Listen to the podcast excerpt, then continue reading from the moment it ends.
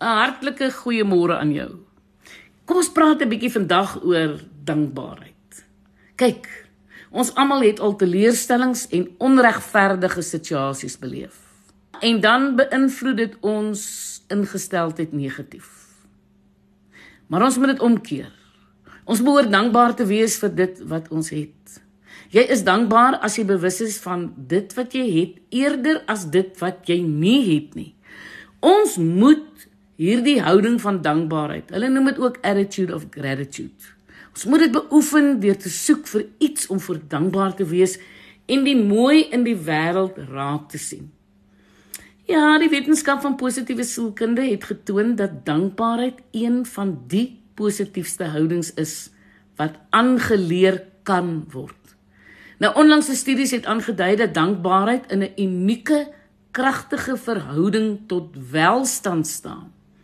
'n Mens kan met verloop van tyd die brein se programmering verander deur dankbaarheid te beoefen. Hoe doen jy dit? Jy fokus outomaties op dit wat goed gaan in jou lewe en beskou daardie dinge meer dikwels in 'n positiewe terugvoering. Hoe meer jy dankbaar is vir alles in jou lewe, hoe meer dinge sal jy vind om voor dankbaar te wees. Met oefening kan jy dankbaarheid ontwikkel soos met enige kuns, soos byvoorbeeld kookkuns of leer om 'n instrument te bespeel. Jong, hoe meer jy oefen, hoe makliker raak dit om dankbaar te wees. En hoe dankbaar jy vir alles in jou lewe is, hoe meer dinge sal jy vind om voor dankbaar te wees.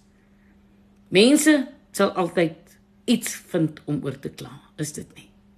Ja man, mense kla oor instandhouding van die swembad en die tuin. Hulle kla oor die nimmer eindigende eise van hulle kinders en lewensmaats. Hulle kla oor inflasie en die regering en deesdae oor beerdkrag. Hoewel hierdie dinge frustrerend is, moet jy nie toelaat dat die negatiewe jou lewe en jou gedagtes domineer nie. Wees dankbaar dat jy 'n huis en 'n swembad het. Daar is mense wat nie eers 'n huis of lopende water het nie, laat staan nog 'n swembad en jy kerm en kla om dit in stand te hou. Wees ook dankbaar vir jou kinders. Sommige mense kan nie kinders hê nie en moet 'n klein fortuintjie aan vrugbaarheidsbehandelings bestee en jy kerm en kla omdat jy hulle op en af moet laai. Ag, ek wil hê dat jy jouself moet uitdaag om dankbaar te wees vir jou ongelooflike lewe. Jou lewe is dalk nie perfek nie, maar jy moet die goeie dinge in jou lewe begin raak sien en dankbaar wees vir wat jy het.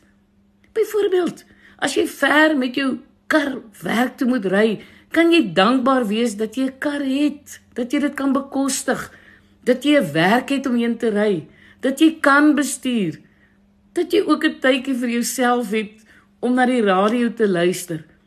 En as jy in 'n verkeersknoop beland, Wat gaan jy daarmee doen? Deur kwaad en gestres te word, bereik jy tog niks. Jy kan net sowel agteroor sit en die musiek geniet of die mooi sonsondergang waardeer. Deesdae bestee mense so baie tyd daaraan om te kla dat daar geen plek gelaat word vir dankbaarheid nie. Al is jou lewe nie op die plek wat jy verlang nie, kan jy altyd iets vind om voor dankbaar te wees. Jong, as jy soggens wakker word en daar is een persoon op aarde wat jou liefhet, en op jou staat maak, is dit genoeg om jou lewe die moeite werd te maak.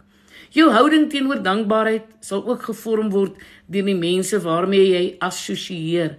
Pas op tog vir mense met 'n ondankbare hart, aangesien hulle gevaarlik is en jou tot 'n val sal bring.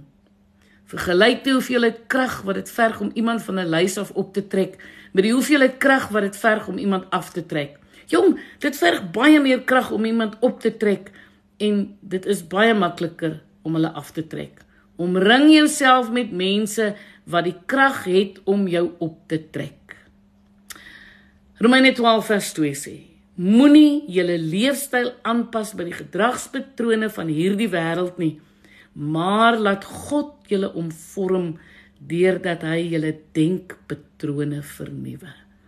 Dan sal julle goed kan onderskei wat hy wil hê dat jy moet doen, naamlik dit wat goed en aanvaarbaar en volmaak is. Ek is Lenet Beer vir Radio Kansel.